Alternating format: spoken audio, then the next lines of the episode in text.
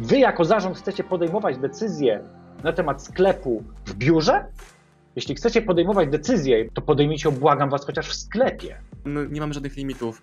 Chcesz na urlop? Tylko powiedz wcześniej, że wyjeżdżasz, przekaż obowiązki komuś innemu i go, nie? Nawet na miesiąc. Robota zrobiona, rób kiedy ją chcesz. W nocy, rano, w środku dnia, whatever. Ja się realizuję poza pracą. Nie mam swoje hobby, różne inne rzeczy. Ja chcę tu zrobić swoją robotę porządnie, solidnie i nie gadajcie mi to całe tam le, le, o tym rozwoju, o tych wszystkich rzeczach, które tu trzeba osiągać, o tej odpowiedzialności decyzji. Nie? No i to wymaga takiego szacunku, bo ja to uczę się akceptować. Witajcie, moim gościem dzisiaj jest Sławek Błaszczak z firmy For Results. Cześć Sławek. Cześć wszystkim, cześć. Cześć E, Marcin. Przypytam dzisiaj Sławka mm, z tego, jak być skutecznym liderem. To nie jest tak, że Sławek wie, jak to robić, bo jest jakimś super Tak liderem korporacji, ale żartuję, żartuję, Sławek jest super.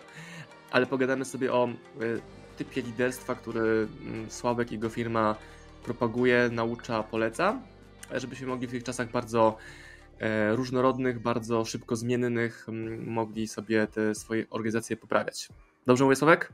Bardzo dobrze. Bardzo dobrze. Czasy mamy trudne.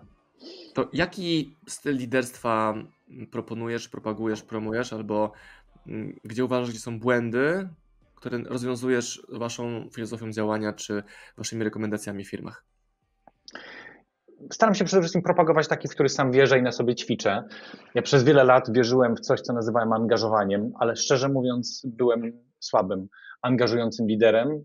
Przez pierwsze 10 lat propagowania tego niestety nie byłem świadomy, jak wiele błędów popełniam. Chociaż ludzie mi o tym później powiedzieli, w trakcie dawali sygnały i tak dalej. Takie przebudzenie mocne miałem, myślę, że z 8-9 lat temu. Wtedy stwierdziłem, mm, to nie chodzi o takie powierzchowne metody, że zadaję ludziom pytania, że ich jakoś wciągam w różne dyskusje, a potem na końcu, jak są sytuacje kryzysowe, to i tak wchodzę ze swoimi rękami i tam rozwiązuję za nich różne rzeczy, bo w ten sposób to jestem micromanager, plączę się ludziom trochę w różne sprawy, w związku z tym to ja odpowiadam jako przedsiębiorca za wszystko, a ludzie stają się po prostu wyrobnikami, więc tworzę kulturę lider-follower, a nie kulturę lider-lider. Jak to do mnie dotarło, to 8 lat temu, to się wyspowiadałem publicznie przed swoim zespołem i obiecałem mm, taką gorącą poprawę. I rzeczywiście y, przeszedłem nawet terapię w tym, w tym temacie, taką dwójpółletnią, żeby lepiej zrozumieć mechanizmy, z czego to się bierze, skąd we mnie ta potrzeba kontroli, wchodzenia ludziom w różne w szczegóły w sytuacjach krytycznych.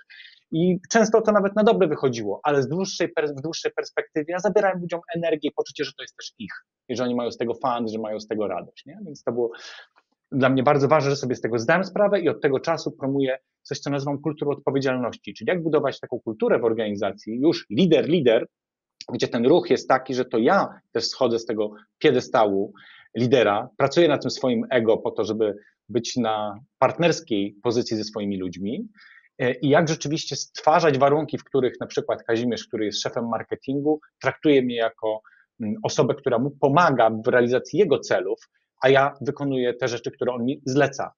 Mm, I po prostu staje się trochę, tak brzydko mówiąc, jego zasobem w osiąganiu różnych celów, które Kazimierz potrzebuje jako szef marketingu, prawda? No, na poziomie operacji to polega na tym, że masz na przykład e, pytanie od swojego zespołu w mailu i nie rozwiązujesz tego e, zagadnienia, tylko odpisujesz, co ty sądzisz, jaki masz pomysł, albo twoja odpowiedzialność i na tym się kończy twoja korespondencja z nim. Wiesz co, w praktyce takiej operacyjnej to dużo ode mnie wymaga mm, takiego pilnowania się i zmiany swoich zachowań, bo na przykład jak mamy jakieś dyskusje zespołowe, to taka ważna rzecz, której musiałem się nauczyć, to że nawet jak uruchamiam jakiś temat, to opinię o tym staram się wygłaszać ostatni. Bo jak wprowadza się taką kulturę, jak się wdraża, no to ten szef jednak ma taką rolę, w której no, trochę podążamy za tym, co ten szef powie, no bo tak trochę niepolitycznie Narzucasz byłoby tak? mieć, tak, mie- mieć inne zupełnie zdanie niż on, no nie wiadomo jak on zareaguje wtedy, więc jak mówię pierwszy, to już narzucam, już kształtuję. Więc na przykład staram się mówić ostatni, E, a, albo staram się e, jasno stawiać przede wszystkim na przykład, kto jest właścicielem decyzji. A, a, a kryterium, jakie mamy, to jest takie, że decyzje są bliżej informacji. W związku z tym de właścicielem decyzji, o tym rozmawiamy często, kto jest właścicielem tej decyzji, żeby bidulka osierocona nie była. Nie, no, nie lubimy osieroconych decyzji. Każda decyzja powinna mieć swojego właściciela, czasy są zmienne, wszystko się zmienia, klienci coś oczekują, są jakieś działania na bieżąco. Ten człowiek nie może siedzieć i czekać na jakąś decyzję z góry, zanim wpompuje informacje w górę, żeby mu spłynęła decyzja, bo tego klienta już tam nie będzie, kiedy ona mu spłynie. Im większa organizacja, tym większy poślizg we wszystkich mechanizmach i większe problemy. Ja zarządzam organizacją 30-paroosobową i już mógłbym spowolnić niesamowicie, nie? więc jakby decyzje bierze informacji, dlatego Kazimierz decyduje, co on potrzebuje i dlatego on pisze do mnie tego maila, o którym mówisz, a ja mówię, jasne Kazik, zrobię to, ale czasem jak mam inne zdanie, to mówię, Kazik, a może ja zrobię coś takiego i takiego? I Kazik dalej jest decydentem, mówi, Sławek, to dobry pomysł, zrób tak jak mówisz, albo mówi, nie, wiesz co, bo to już sprawdziliśmy, ja mam dane, i najczęściej jest tak, że rzeczywiście ci ludzie, jak już wchodzą w taką kulturę, ci mogę powiedzieć, że po trzech latach takiego działania, to naprawdę efekty były takie, że jak ja już miałem jakieś swoje pomysły do ludzi, którzy byli bliżej informacji i w ich decyzjach coś już mieszałem, to ze wstydem się wycofywałem po chwili, mówiłem, a nie, to widzę, że masz naprawdę dobrze przemyślane, to ja przepraszam, że w ogóle tutaj wtrąciłem, to, to masz dobrze poukładane. Ja wycofuję swój pomysł, bo mm -hmm. więc im mhm. psułem i mieszałem, niż dostarczałem wartości. No to też u nas, jak są nowe osoby, które przychodzą z innych firm, e, to mają taki pierwszy tydzień szoku, jak z nami się pracuje i ten szok najczęściej objawia się tym, to jest powtarzalny schemat, że wysłali maila, coś się nie zadziało, bo ja nie odpisałem i oni uważają wtedy jeszcze, że to jest moja odpowiedzialność. Mówię, nie, o, bardzo dobry przykład. Nie, nie, nie, nie. To jest twoja odpowiedzialność, że wysłałeś maila, nie masz decyzji i mimo tego nie działasz. Jak nie masz decyzji, masz działać. Albo zwindykować ze mnie odpowiedź, na przykład do mnie dzwoniąc, nie czekając na maila. I takie mikrozmiany są ekstremalnie szokujące dla nowego teamu, ale oni wchodząc takim blendingiem w cały team, in, że cały team tak w ten sposób działa, jest pełna odpowiedzialność za, e, nie ma jakichś dupochronów mailowych. Wysłałeś tak. maila, nie ma odpowiedzi, to nie jest moja, mój problem. Odpowiedzialność. Ja, mhm. Tak. To ty nie pozyskałeś skutecznie informacji, decyzji, albo nie zaryzykowałeś zrobienia czegoś bez autoryzacji. I to jest ciekawe, tak. że musimy ludzi ośmielać do tych odważnych decyzji. To prawda, to prawda i to jest ciekawy proces, który na takim poziomie mniejszego przedsiębiorstwa to możemy sobie poradzić takimi metodami, o których opowiadasz, nie? że się zorientuje po pierwszym już tygodniu pracownik, że jak ta mechanika działa i kiedy to jest dobre i skuteczne, ale jak działamy w jakiejś większej korporacji, w jakichś większych zespołach, nie wiem, już mamy 50-100 osób, się zaczyna robić trochę bardziej skomplikowane. I ja myślę, że mm, to, to całą propozycję, ten cały kongres też, który organizujemy wokół tego tematu, no, dedykujemy tym liderom, którzy różne miewają motywacje. No, I którzy tacy przychodzą, którzy mówią, ja po prostu jestem już pod ścianą. Ja już nie mam czasu. Ze wszystkimi różnymi rzeczami do mnie ludzie przychodzą. Muszę w to jakoś wniknąć, żeby ta decyzja, którą proszą mnie, żebym podjął, szefie, co robimy? Szefie, co robimy w tym? Słuchaj, mam taką propozycję. Co o tym sądzisz, szefie? Mógłbyś podjąć decyzję? Ja według mnie to powinno być to. No to on, żeby jakoś potwierdzić, no to przejmuje już odpowiedzialność. Bierze tę małpę, nie? Ale musi się wgryźć. Więc ten lider jest już trochę zaszczuty różnymi rzeczami, a świat, ten taki wukat zmieniający się, jak go tam często nazywamy, niejednoznaczny, niepewny, w ciągłej zmianie, powoduje, że to są niejednoznaczne tematy i bardzo jednostkowe. Więc ten lider coraz bardziej idzie w stronę, no nie dam rady tego, tej całej kuwety ogarnąć. Więc to jest dla liderów, którzy się czują tacy trochę zaszczuci po pierwsze. No a jak sobie oni z tym radzą? Bo wyobrażam sobie, że jak ma organizacja powyżej. Ja jestem w stanie ogarnąć taką grupę 30 osób. Powyżej to dla mnie już abstrakcja bycia szefem takiej grupy.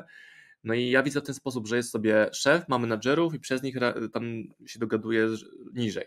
Ale w praktyce są to dziesiątki decyzji, dziesiątki spotkań, tak. dziesiątki takich requestów o uwagę szefa, gdzie na poziomie doby on nie jest w stanie robić nic innego oprócz gadania z tymi ludźmi. Tak. To nie jest jego praca, bo nie ma czasu na wizję, nie ma na strategię, tylko jest szefie powiedz, szefie powiedz. Więc czym to błędne koło przerywamy? Przerywamy pracą taką bardziej systemową. Mm, na tej konferencji wystąpi paru takich praktyków, którzy pokażą, jak to robić w organizacjach, właśnie takich większych, o których też rozmawiamy, ale nawet na poziomie nie wiem, 50-100 osób, jak coś takiego wprowadzić.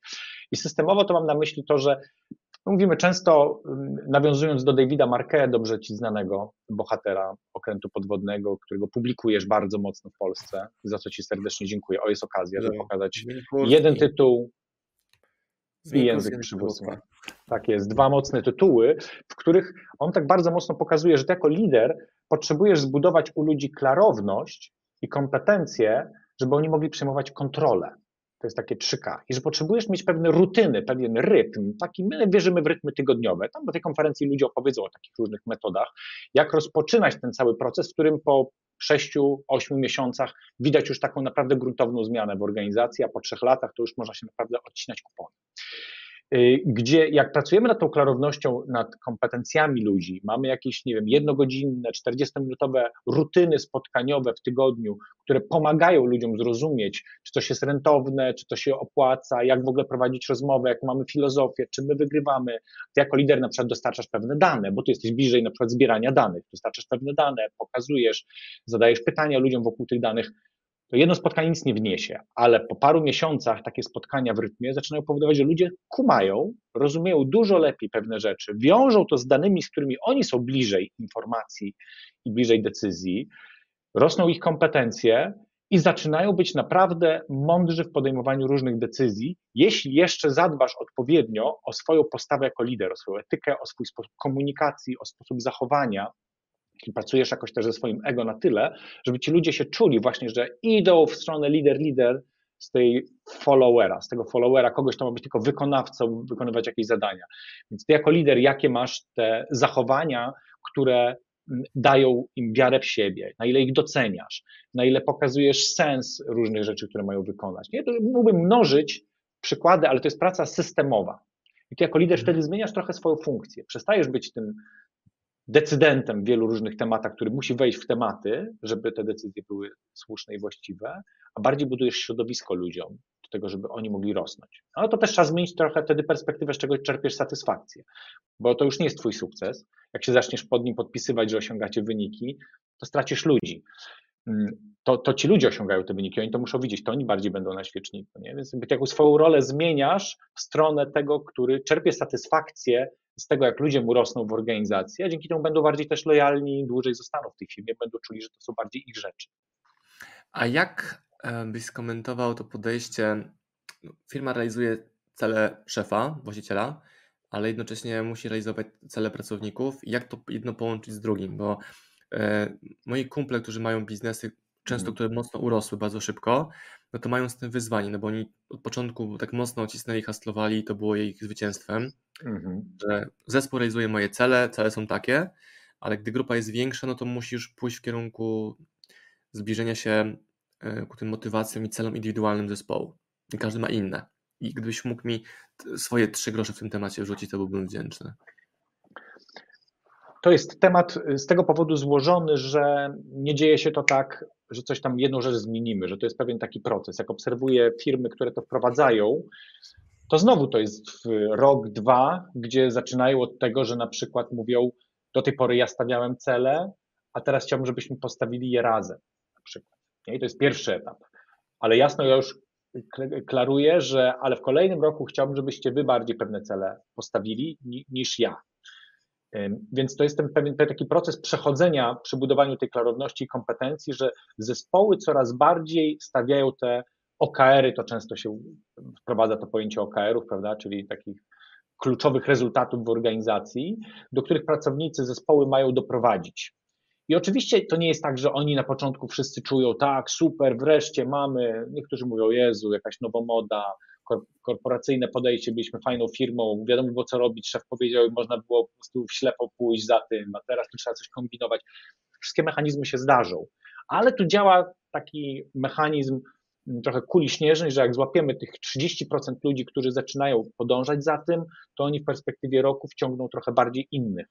Że się trochę wyklaruje zespół też, w którym coraz więcej będzie ludzi, którym będzie zależało, bo będą czuli, że no przy takim postawieniu sprawy, jak oni mają wpływ na te cele, to oni potem wiedzą, jakie, jakie stawialiśmy, to z większym prawdopodobieństwem je zrealizujemy. To bardziej będziemy dbali o to, co zrobić, bo widzimy pewne realności. A tak to jesteśmy ciągle w takim oporze. On nam narzucił, zaczynamy pozycję negocjacyjną. No to może jak zrealizujemy 80, to dalej się będzie cieszył, nie? Nie wiadomo, co on tam w głowie miał, jak stawiał te cele, nie? Mhm. Jest jakaś już gra, a tutaj już tej gry się pozbywamy i coraz bardziej w tej kuli śnieżnej, coraz więcej ludzi zaczyna przestawać grać, a coraz bardziej zaczynają wchodzić w to, no to dobra, to co tak naprawdę przyniesie ten efekt i rezultat, na czym tu się skupimy. Nie robię już dupochronek, nie robię już tam mielenia czegoś bez sensu, tylko zaczynam się skupiać na tym, co, jakie zadania przyniosą te efekty. A jak jest z taką, okej, okay, bo czy to są rekomendacje dla MŚP, czy dla większych firm, czy staramy się znaleźć uniwersalność w tych rekomendacjach? Ja bym powiedział, że to są rekomendacje i dla małych firm, i dla średnich firm, i dla dużych firm. Różni się e, czas wprowadzania tego, bo im większa organizacja, tym trudniej, tym bardziej złożone, im więcej zespołów, tym więcej na styku problemów się pojawia, dłużej trwa, trwa w czasie i więcej jest rzeczy do uzgodnienia. Im mniejsza firma, tym łatwiej i raźniej to się robi. To bym tak powiedział. No, czy to w większej firmie jest też większa bezwładność, bo te mechanizmy są bardziej skomplikowane, a w mniejszej można bardziej zwinnie to e, wdrażać? To prawda i w większych organizacjach jest jeszcze większy problem z takim, wiesz, jakby leadershipem, no bo mamy przykłady firm, które prowadzą w Polsce biznes, a są częścią na przykład dużej korporacji. I wtedy no, to jest y, kwestia taka, że najczęściej oni się jakoś tam kontraktują ze swoją centralą w jakiejś tam Francji i mówią, słuchajcie, jak będą wyniki, to bądźcie zadowoleni, nie czepiajcie się w to, co my tam robimy, bo jak zaczniecie wnikać, to my kroku nie zrobimy, bo ta bezwładność nas zabije. Nie? Ja podaję realny case, tak zrobił Tefal e, w Polsce, to jest 400 osób, więc nie jakaś znowu mega wielka firma, ale oni się tak dogadali ze swoją centralą we Francji. Dopóki e, się zgadzają wyniki, to fuck off. Tak jest. I na tej zasadzie jadą już tam szósty rok, różne są zapędy, ale wiesz, w międzyczasie to, co było ciekawe w Tefalu, to to, że mm, tam oni się burzyli, bo na początku jednak próbowali coś skonsultować, to widzieli, że to po prostu dramat, że nie zrobił kroku kulturowego żadnego, jak będą z tą Francją jednak konsultować, więc przestali im w ogóle mówić o pewnych rzeczach, mówiąc lepiej nie mówić, lepiej tam przepraszać niż prosić o coś, nie? E, później. Y, ale efekt był taki, że jak zrobili najlepsze wyniki w regionie, bo ja nie powiedziałem jeszcze, że, ten, y, że ta, ta propozycja jest też dla tych, których naprawdę zależy na wynikach w takiej dłuższej perspektywie, nie w krótszej, bo te wyniki rosną. W Tefalu dwukrotnie. Y, w mojej firmie dwukrotnie wzrosły, to mogę powiedzieć. Choć miałem dołek i wiem, że dołek nie jest czymś takim zupełnie unikalnym. W pierwszym roku byliśmy prowadzenie tej kultury na zero. Nie? Wcześniej mieliśmy jakiś zysk, a tu byliśmy na zero, ale w kolejnych latach poszliśmy dwa razy więcej. Nie? W tej chwili ten biznes urósł gigantycznie. Więc y, Francja zaczęła zasysać ludzi z Polski. Nawet nie wiedzą, kogo tam sobie biorą nie? Na, na pokład swój, że tu biorą takich agentów, którzy ich zaczną tam rozmontowywać od środka.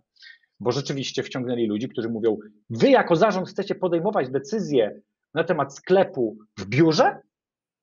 Jeśli chcecie podejmować decyzję, co nie jest w ogóle dobrym pomysłem, mówi ten agent, którego sobie sami ściągnęli do Francji, to podejmijcie, obłagam was, chociaż w sklepie, a nie w biurze.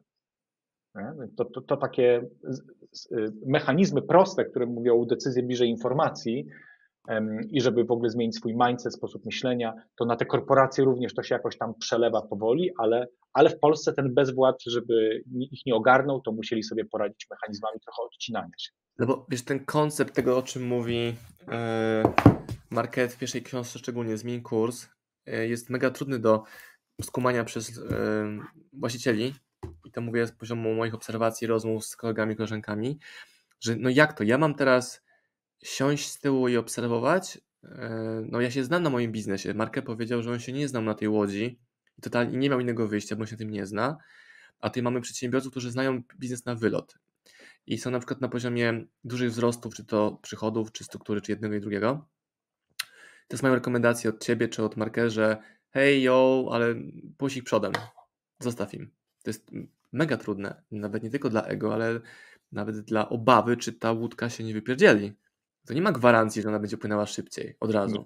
Nie ma, nie ma i dlatego ja bym chyba nikogo nie zachęcał do robienia jakichś wielkich upheavali, wielkich zmian E, od razu na hura, tylko do robienia pewnych mikrokorekt, które sprawdzają potencjał i sprawdzają, czy jest grunt i jakie tam efekty z tego płyną. Podam przykład e, jednego z liderów dużej, dużej organizacji, członka zarządu, który wprowadził taką prostą pierwszą rzecz, jak się wahał, bardzo w temacie, o którym rozmawialiśmy, czyli on na początku, on stawiał cele ludziom e, i tak prowadził rozmowę, żeby y, się w końcu zgodzili i kiwnęli głową jego dyrektorzy. Nie? I miał w tak. tym ogromny talent i przez lata mu to dobrze szło. Nie? Ale zawsze to był, czuł, że coś tam jest nie do końca. Jego mikrokorekta polegała na tym, że on im powiedział, kochani, nie to, żebym was nie lubił i żebym nie chciał z wami pracować, albo żebym miał tego dość, ale ja wierzę was, w wasz potencjał i na najbliższym spotkaniu chciałem, żebyście wy te cele sami postawili. Nie, nie będzie na tym spotkaniu. Czyli przestał przechodzić, przychodzić na dał sobie trzy spotkania, na które po prostu nie przyszedł, ale jasno mówiąc o swoich intencjach, dobrze to zakomunikował i powiedział, że przyjdę na koniec, żeby usłyszeć, co mhm. zdecydowaliście, nie? co postanowiliście. Na początku nie użył słowa, co zdecydowaliście. Na początku używał słowa, do czego dojdziecie. Jak zobaczył, do czego doszli, to potem się już odważył i powiedział, co proponujecie, a jak już zobaczył, co proponują, to na trzecim powiedział, przed trzecim powiedział, to co zdecydujecie, nie? Nie zrobił wielkiej zmiany, on zrobił mikrokorektę, w której sprawdzał potencjał zespołu i był sam pozytywnie zaskakiwany. I mówił, to nie tak, że Sławek, że wszystkim się to podobało w tym zespole. Głosy były podzielone, ta, ta zmiana. Ale dla mnie z perspektywy efektów, jak zobaczyłem, że są bardzo sensownie postawione rzeczy, że super to zrobili, że widziałem wypieki na twarzach u kilku osób, które mówiły, ale to dowieziemy, to coś, tylko musisz nam pomóc w tym i w tym w organizacji, ty musisz tam coś. Przy... Dali mi rolę odpowiednią, potraktowali mnie jak zasób, lider, lider, a nie po prostu jak szefa, który to teraz musi klepnąć i ciągnąć samemu. To ja mam tyle korzyści z tego płynących, że będę kontynuował tą ścieżkę. Nie? po roku miał już, był już dużo dalej. No, Małe no, część, ob, część obaw tego zespołu zapewne była taka, że przecież to jest jego rola, on musi być szefem, on musi decyzję tak. podjąć. Od czego on w tej firmie tak. jest? Od, od przychodzenia i picia kawy? No co, pewnie taki procent zespołu również się e, Ale tak pojawił. Ale... Tak. Ale Pamiętajmy też, że, ma, że market tak to upraszcza bardzo, mówiąc, że ja się nie znałem na tym okręcie, no bo przecież tak. on pływał przez tak. pierwsze 20 lat na okrętach, tylko na nieco innych jednostkach. Oczywiście nie znał szczegółów, i to był tylko trigger, taki przyczynek do tego, żeby w ogóle zacząć wprowadzać tą zmianę, ale jemu od początku coś nie grało. Dlaczego ci ludzie nie, nie mają żadnej inicjatywy, czekają na rozkazy bezwolnie, prawda, nie mają żadnych pomysłów? Coś nie tak. No, też Markę na łodzi podwodnej miał taki komfort i, nie, i dyskomfort, że on nie mógł nikogo zwolnić podczas tej misji wyjazdowej no, włazu nie otworzysz, jeżeli tam przy Antarktyce kogoś tam nie wyrzucisz, chociaż nie wiem, kto wie. Kto wie, co tam się działo, no. Prawda, nie? Było 38, wróciło 36 i dwa pingwiny na pokładzie.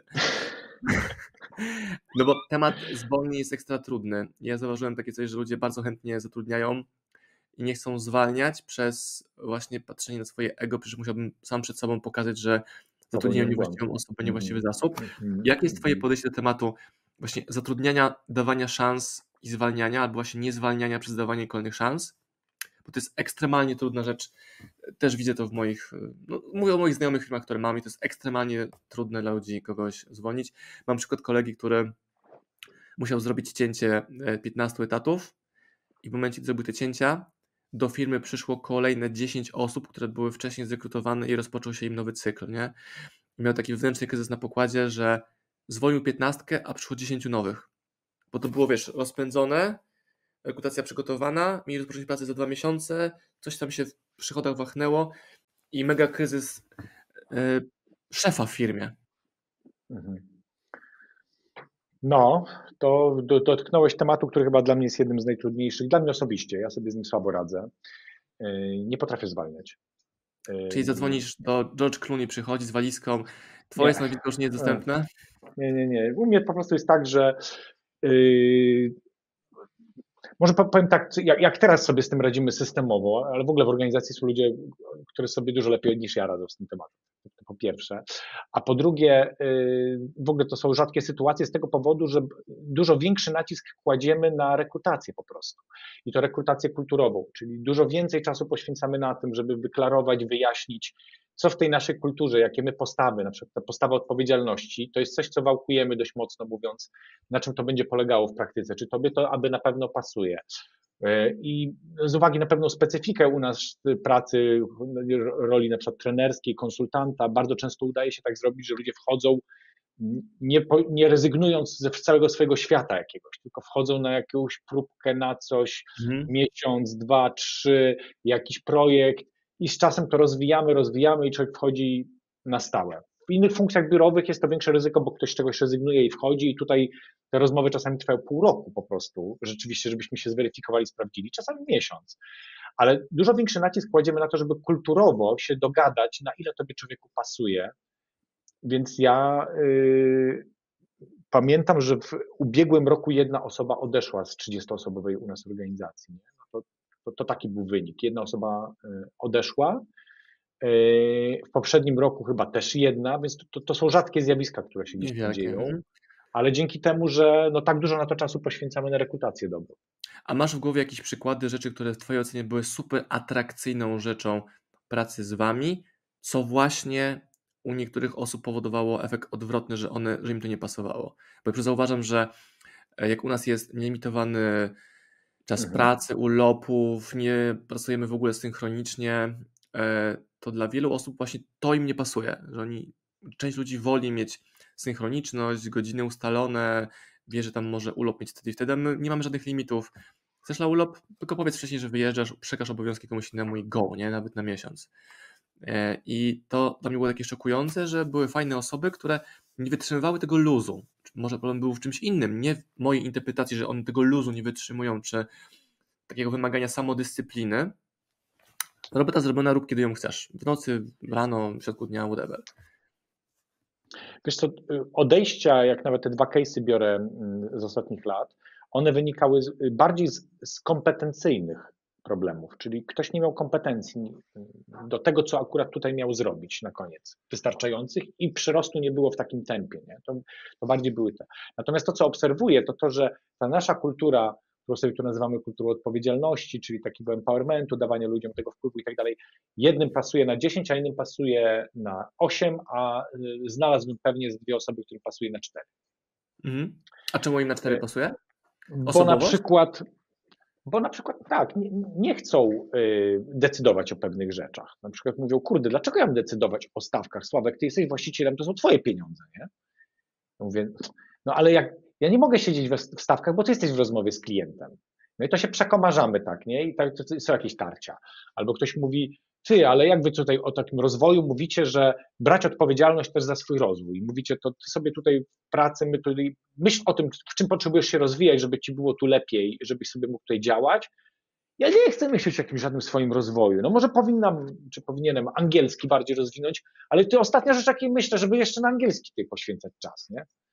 Więc nie mhm. chcę tego rozwoju, tego gadania o tym wszystkim. Ja się realizuję poza pracą. Nie mam swoje hobby, różne inne rzeczy. Ja chcę tu zrobić swoją robotę porządnie, solidnie i nie gadajcie mi to całe tam le, le, o tym rozwoju, o tych wszystkich rzeczach, które tu trzeba osiągać, o tej odpowiedzialności decyzji. Nie? No i to wymaga takiego szacunku, bo ja to uczę się akceptować. Nie? I powiem, powiem że szczerze, że zrobiłem dużo kroków pozytywnych w tą stronę, że zacząłem stwierdzać, kurde, to jest nie fair. Jak od wszystkich oczekuję tak samo, że będą taką kulturę wchodzić odpowiedzialności i tak dalej, no bo to osobowościowo ludzie są bardzo różni. I to jest też ok, że płacimy komuś X za solidnie zrobioną robotę, ale już nie ma tak, że ta inicjatywa, tu pomysły, rozwój, mhm. on tego nie potrzebuje. A opowiedz mi, Czesławek, bo to jest termin pewnie dla wielu osób nieznany, którzy nie są w świecie korporacyjnym tak. czy szkoleniowym o właśnie tym empowermencie. Po pierwsze, gdybyś miał polską definicję, powiedzieć to, jak ona by brzmiała i yy, o tym podgadajmy jeszcze chwileczkę. Słusznie, słusznie. Mm, ja to rozumiem tak, że są różne poziomy dawania ludziom wpływu. E, I że wpływ to jest w ogóle takie jedno z ważnych słów, mm, które jest jakoś blisko tego empowermentowi, że ludzie mają wpływ na, na rzeczy, które są gdzieś tam blisko nich, na ich sposób pracy, na ich środowisko pracy, na ich miejsce pracy, na nie wiem, klientów, z którymi oni mają, to mają, mają wpływ. I dla mnie taki pełny empowerment to jest właśnie już, mają tak duży wpływ, że aż się czują odpowiedzialni za to, jak tam pewne rzeczy poukładać sobie e, i że mogą podejmować te decyzje. Więc ja to tak trochę rozumiem, że ten wpływ może mieć od tego, że na początku z kimś konsultujesz, ale z jasnym takim e, celem, że no wiesz, ja to z tobą konsultuję, żebyś ty też rozwijał, myślał o tym, co to dla ciebie oznacza, jak ty to chcesz poukładać, bo docelowo chciałem, żebyś to było bardziej twoje. I to mhm. twoje to znowu jest daleko idący ten wpływ, nie? Mm. To, Empowerment w tym sensie. Mhm. To rzucę ci e, przykład, który chyba to, to fajnie obrazuje. Mamy firmę, która nas obsługuje logistycznie, wysyłają wszystkie paczki, tego jest tam bardzo dużo i to jest duża firma. Jest tam kilkadziesiąt osób na pokładzie i szef firmy powiedział, musimy robić Instagramy i TikToki, ja tego nie będę robił, wy macie to robić. I każda osoba z firmy, nieważne czy jest to kierowca wózka widłowego czy menedżer, ma stworzyć jedną porcję kontentu dziennie. Nieważne jak się dogadacie, czy ty, będziesz występował na tym wideo, czy poprosisz koleżankę z pracy, żeby ona to zrobiła zamiast za czekoladę, ma to być i mówi, że ekstremalnie fajnie się, im się to sprawdziło. Czyli rzucił siebie, ok, to trzeba robić. ustalcie sami, co robicie. Nie musisz ty tego Sławek robić, ale ty Sławek zadbaj, żeby Kasia to Mhm. nagrała. Mhm. Dogadaj z nią, co jej dasz za to, że ona za ciebie wzięła te obowiązki. Ma to być. I mówi, Bardzo że fajny wyłoniły się- przykład. Tak. I też wyłoniły się talenty, że jest jedna dziewczyna, która lubi wiem, się przebierać, wymyślać pomysły, ale ludzie wtedy z niej zabierają obowiązki Inne. inne, nie biurowe czy jakieś tam logistyczne. Bardzo fajny przykład i dla mnie taki pełen empowerment jest taki, że na przykład powstanie w tej firmie jakaś grupa ludzi, którzy mów- mówią, słuchaj szefie, my to w ogóle widzimy, że to trzeba jeszcze zmodyfikować, mamy zamiar pójść w taką i w taką stronę. Pewnie to się tam dzieje i to jest przykład tego empowermentu, że tam ludzie zaczynają sami już kombinować i to rzucone hasło przerabia się w jakiś, przeradza się w jakiś proces, który, za który ludzie są odpowiedzialni, są właścicielami tego procesu nie? i oni go kształtują.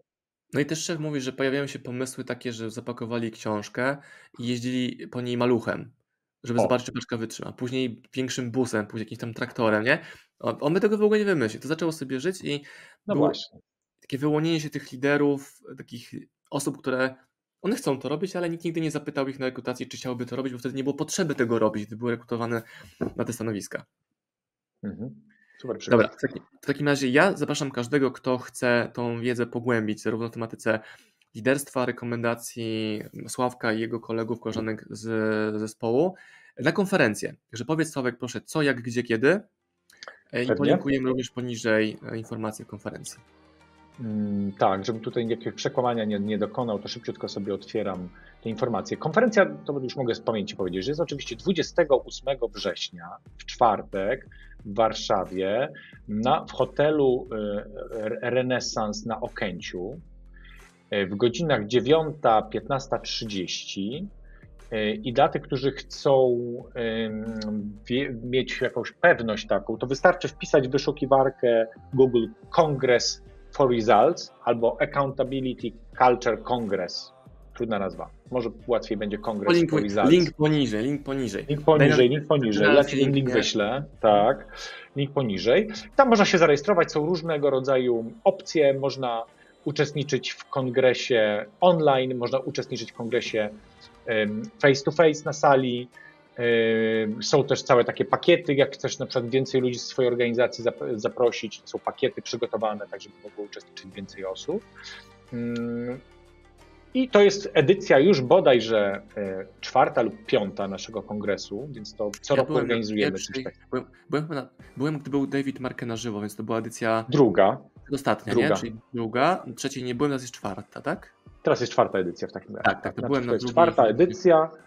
Yy, Zawsze to jest taka okazja dla wszystkich do tego, żeby mm, poznać y, osoby, które są praktykami, które mają dużo doświadczeń tego typu w, w organizacjach, więc sam nawet format tej konferencji będzie taki, że nie tylko będzie to czas wystąpień, takich wystąpień tam będzie chyba pięć, tak półgodzinnych, ale też jest przeznaczony czas na warsztaty, czyli że w małych grupkach z praktykiem siadacie przy jednym stole i rozmawiacie o swoich problemach, jak on sobie z nimi radzi, jakie on ma doświadczenia, ale będzie też, też taki czas inspiracyjny, taki można powiedzieć, gdzie my trochę dramowo, pewnymi scenami pokażemy konkretnie, co lider robi dobrze, a co niekoniecznie dobrze, więc tak trochę będziecie mieć też teatralnie Wisienka tej konferencji, tak. Talent aktorski Sławka i jego A są prawdziwi aktorzy, prawdziwi aktorzy, ja nie jestem, ale będą też tacy, którzy to naprawdę E, robią także ja też profesjonalnie. pomyślałem, że polinkujemy poniżej pod tą rozmową wywiad, jaki robiłem z Davidem Marke właśnie podczas konferencji numer dwa. No tam trwa ponad pół godziny, więc dodatkowa porcja wiedzy dla Was. Między innymi również to, co tam mówię, mówiliśmy, jest kontynuacją, przedłużeniem, esencją też tego, o czym e, tu Sławek na konferencji e, ich e, będzie przemawiał, nauczał. Także Prawda? E, Ja polecam, akceptuję, e, e, wysyłam, namaszczam, błogosławię, jak najbardziej dobra jakość. Także dzięki Sławek za podzielenie się Twoimi insightami w tematach biznesu, nie tylko lead- leadershipu. No i widzimy się na konferencji. Zapraszam wszystkich, pozdrawiam i dziękuję za Twój czas. Dzięki Marcin. Zapraszam.